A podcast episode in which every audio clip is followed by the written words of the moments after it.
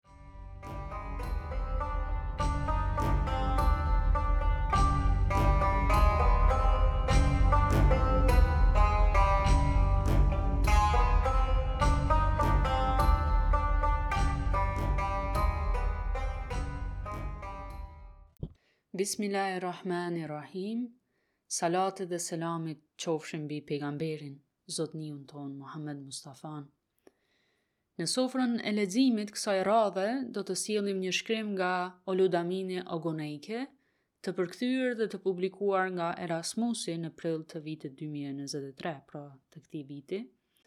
Shkrimi titullohet Teologjia e heshtur e artit islam. Variantin origjinal, pra në gjuhën angleze, mundeni me gjetë në revistën e Kolegjit Zejtuna, të quajtur Renovatio, dhe ka titullin The Silent Theology of Islamic Art. Në këtë incizim, mundeni me dëgju pjesën e parë të këtij artikulli, me fjalë tjera nëntitullin Bërja e botës së padukshme në atë të dukshme,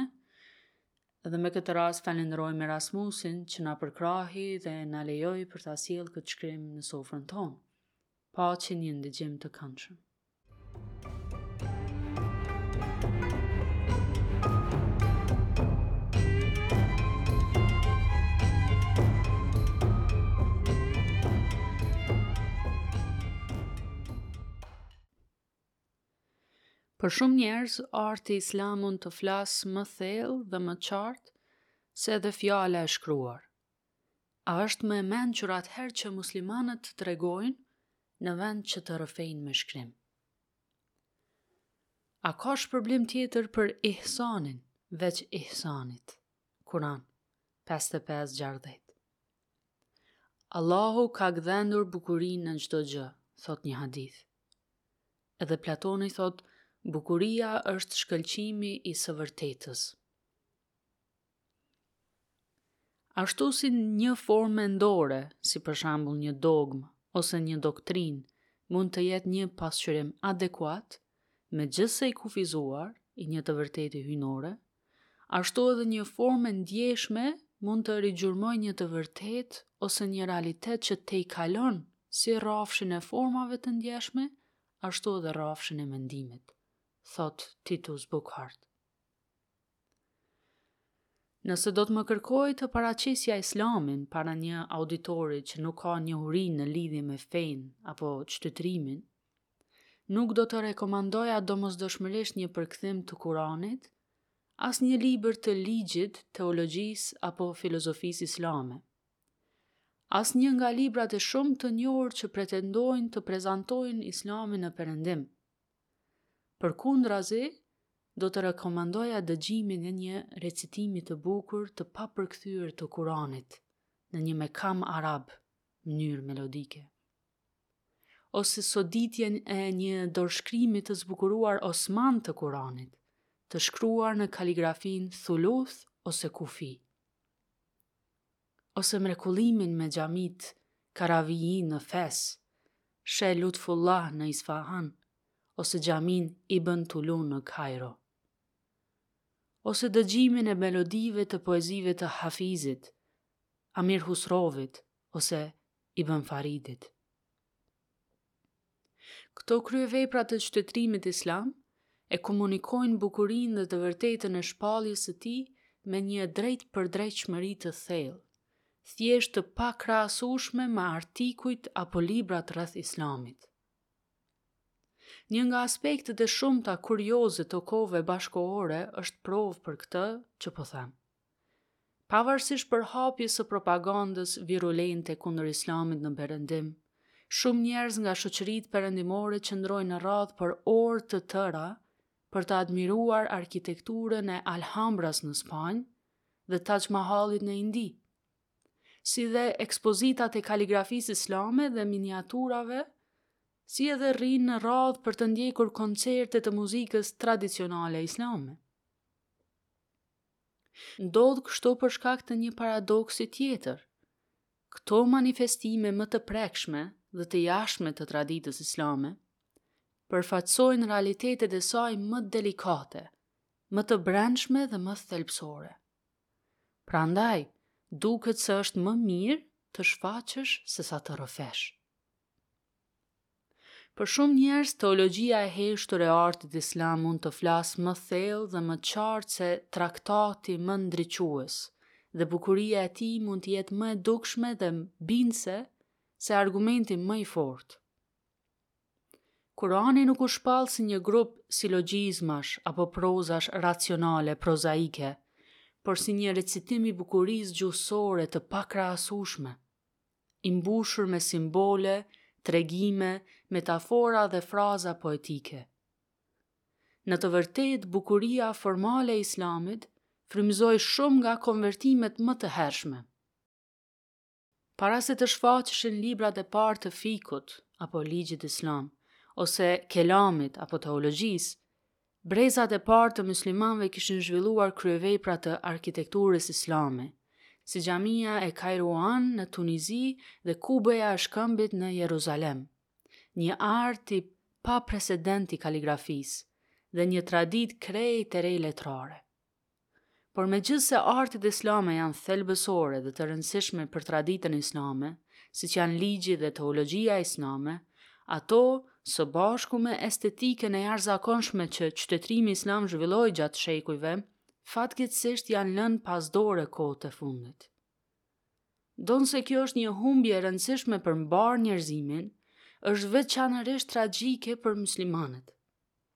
Siç thotë hadithi, Zoti është i bukur dhe ai e do të bukurën. Kështu që indiferenca ndaj bukurisë është e barabartë me indiferencën ndaj hyjnores. Bërja e botës së padukshme të dukshme. Në traditën islame, ndjenja e bukurisë dhe përsosmërisë, njëkohësisht estetike, etike, intelektuale dhe shpirtërore, përmblidhen nga termi i papërkthyeshëm kuranor ihsan. Përkufizimi klasik i këtij termi vjen nga hadithi i Xhebrailit, ku profeti alejhi selam e përshkruan atë si ta adhurosh Zotin sikur e sheh atë, sepse ndonëse nuk e sheh atë, ai të sheh ty.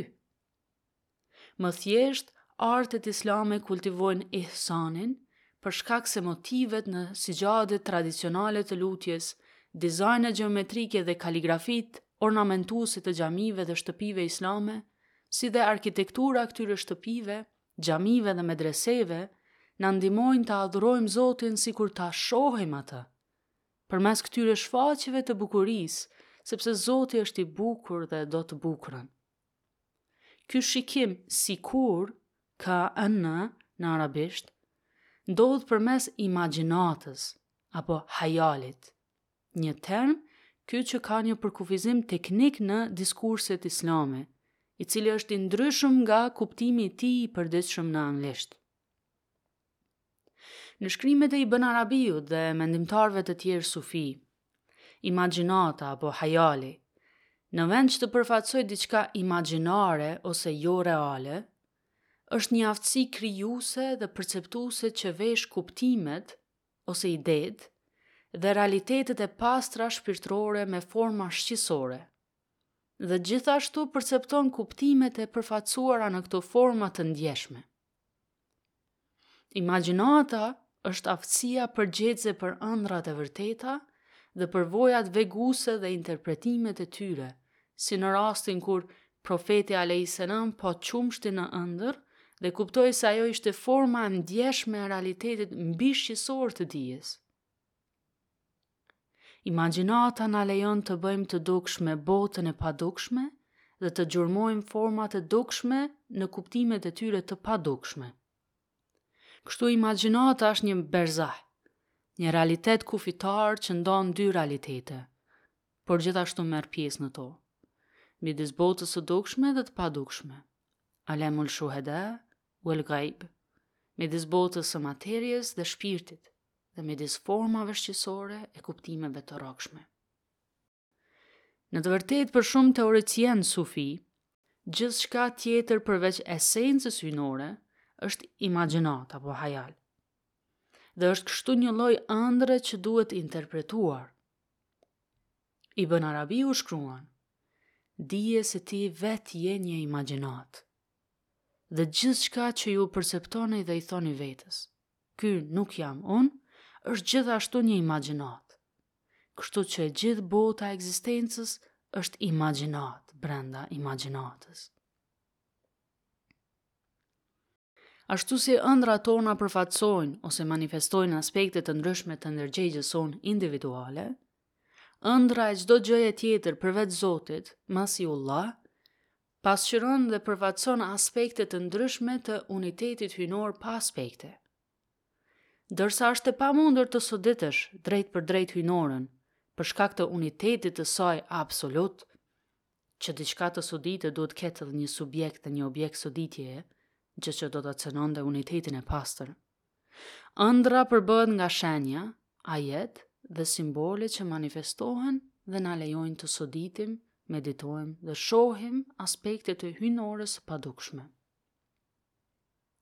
Kjo është arsyeja pse Kurani është plot me vargje të quajtura edhe ajete që na inkurajojnë të sodisim shenjat e krijimit, duke përfshirë edhe veten tonë. Sipas vargjeve të famshme të Ebul Atahias, në çdo gjë ka një shenjë që tregon se ai është një. Wa fi kulli shay'in lahu ayatun tadullu ala annahu al-wahidu. Kurani thotë edhe më qartë në surën Fusilet, ne do t'u tregojmë atyre shenjat tona në horizonte dhe në vetvete, derisa t'u bëhet e qartë se kjo është e vërteta. 41.53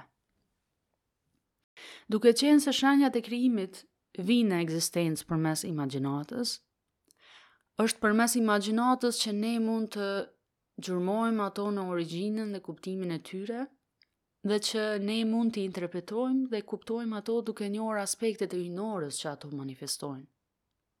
Artet islame luajnë një rol të rëndësishëm duke i rikthyer elementet bazë që na rrethojnë, si drita, hija, hapësira, koha, ngjyra, tingulli, aroma dhe heshtja, në realitetet e tyre gjeometrike arketipale, apo melekuti i tyre në termat kuranorë, të cilat integrohen më lehtë në unitetin hyjnor. Kjo është një nga arsyet se përse qytetërimi islam dhe artet e tij janë kaq të fokusuara te gjeometria. Me fjalë të tjera, artet islame i bëjnë gjërat transparente metafizikisht. Ato na lejojnë të perceptojmë dritën e Zotit brenda dhe përmes tyre, sikur të ishin vetrata me ngjyra. Është përmes imagjinatës, hajalit, që artet islame e bëjnë të dukshme hyjnoren e padukshme. Dhe është përmes imagjinatës, hajalit, që ne mund të perceptojmë misterit e unitetit hyjnor transcendent, i cili është imanent në këto forma shqisore. Imagjinata është shpesh në kontrast me arsyen, akël në kuptimin e tij të kufizuar. Ndërsa imagjinata është sintetike, arsyeja është analitike. Aty ku imagjinata është ashtu si dhe, arsyeja është ose ose. Aty ku imagjinata dedukton lidhje dhe analogji, arsyeja ndan dhe nxjerr dallime. siç shpjegon William Chittick. Imagjinata kupton sipas mënyrave që janë të huaja për arsyen. Si një realitet ndërmjetës, që qëndron midis shpirtit dhe trupit, ajo percepton idetë abstrakte dhe qeniet shpirtërore në formë të mishëruar. Meqenëse në vetvete nuk është as njëra as tjetra, ajo është në thelb e paqartë dhe polivalente dhe mund të kuptojë vetëzbulimin e Zotit, i cili është Ai, jo Ai. Arsyeja kërkon të dijë marrëdhëniet e sakta në kontekstin e ose ose, por imagjinata percepton se vetëzbulimi nuk mund të njihet kurrë me saktësi. pasi ai manifeston thelbin e panjohur. Në këtë skemë, është imagjinata dhe jo arsyeja, ajo që është e pajisur në mënyrë të përkryer për të përballuar paqartësitë e shumëfishësisë së dukshme dhe për të perceptuar unitetin në të. Është imagjinata ajo që mund t'i gjurmojë deklarimet dhe fenomenet në dukje kontradiktore në origjinën e përbashkët që i bashkon, pa e fshirë veçërinë e tyre në nivelin e formave shqisore. Aftësia imagjinare mund të përfaqësojë dhe të perceptojë të njëjtën të vërtetë ose realitet në një pemë, një model gjeometrik, një vepër kaligrafie ose vargje poezie, pavarësisht dallimeve të tyre të jashtme. Kështu, nuk është çudi që rritja e sektarizmit ekstrem dhe keqkuptimit të ndërsjellë në të gjithë botën muslimane ka përkuar me rënien e vlerësimit dhe prodhimit të arteve islame. Të dyja prirjet janë rezultat i një atrofie të përhapur të aftësisë imagjinare dhe një pasojë e mungesës së njohjes me dimensionet e brendshme të traditës islame. Ibn Arabiu, Gazaliu dhe shumë nga dijetarët e tjerë të mëdhenj të islamit kanë argumentuar se Arsyeja dhe imagjinata duhet të punojnë së bashku për të kuptuar dhe interpretuar saktë shenjat e Zotit, si në librat e tij, ashtu edhe në librat e kozmosit dhe shpirtit njerëzor. Kjo ilustrohet qartë në një nga vargjet më paradoksale të Kuranit. Nuk ka asgjë të ngjashme me të, por ai është dëgjuesi, shikuesi. 42:11. Pjesa e parë e ajetit, me sa duket deklaron pakrahasueshmërinë dhe transcendencën e Zotit, tenzihun.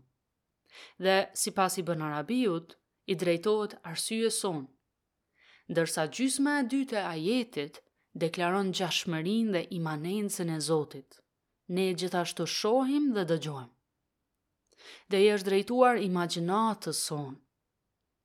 Është vetëm duke kuptuar të dyja gjysmat e vargut, duke parë me dy sy, si arsyen edhe imagjinatën, që ne mund të arrijmë ta njohim Zotin përmes shenjave të tij. E lënë në duart e veta, arsyeja mund të nxjerrë përfundimin se Zoti duhet të jetë mbi dhe i dallueshëm nga gjithçka që ne perceptojmë, por ajo nuk është në gjendje të perceptojë praninë e hyjnores në fenomene, përveç në një kuptim abstrakt shkaksor, ose të deklarojë ndonjë gjë pozitive në lidhje me natyrën e Zotit. Vetëm nëpërmjet zbulesave dhe raporteve profetike, poetike dhe nëpërmjet përdorimit të aftësisë imagjinare për të soditur shenjat e Zotit, ne mund të kuptojmë dhe perceptojmë atributet pozitive të hyjnores. Nëse Zoti do të ishte thjesht qenia e domosdoshme, el uaxhibul uxhud, ose shkaku i parë i provave të teologjisë ose filozofisë, atëherë njerëzit nuk do ta dashuronin atë më shumë se sa dashurojnë Big Bangun. Me fjalë të tjera, format fetare duhet të përmbajnë gjithmonë të vërtetën dhe praninë. Pa praninë, e vërteta e tyre bëhet abstrakte dhe jo frymuese. si një fakt gjysmë i kujtuar nga gjeografia e shkollës së mesme, ndërsa pa të vërtetën, prania e formave bëhet e kotë dhe e pakuptimtë. Mrekullia e dyfishtë e arteve islame është se ato e bëjnë të vërtetën hyjnore dhe të vërtetat e shpalljes së saj të pranishme dhe të prekshme për ne. ndërkohë që e mbushin mjedisin tonë të prekshëm me bukurinë e së vërtetës hyjnore. Në njëfarë kuptimi, Xhelali, apo madhështia dhe ashpërsia hyjnore, korrespondon me polin e së vërtetës, ndërsa Xhemali, apo bukuria hyjnore, korrespondon me atë të pranisë. Asnjëri nuk mund të ekzistojë pa tjetrin, por është poli i bukurisë dhe i pranisë që frymëzon dashurinë, ajo forcë që lëviz gjithçka në kozmos, duke përfshirë shpirtrat tanë njëherazi nga dhe prapa drejt origjinës dhe përfundimit të tyre hyjnor.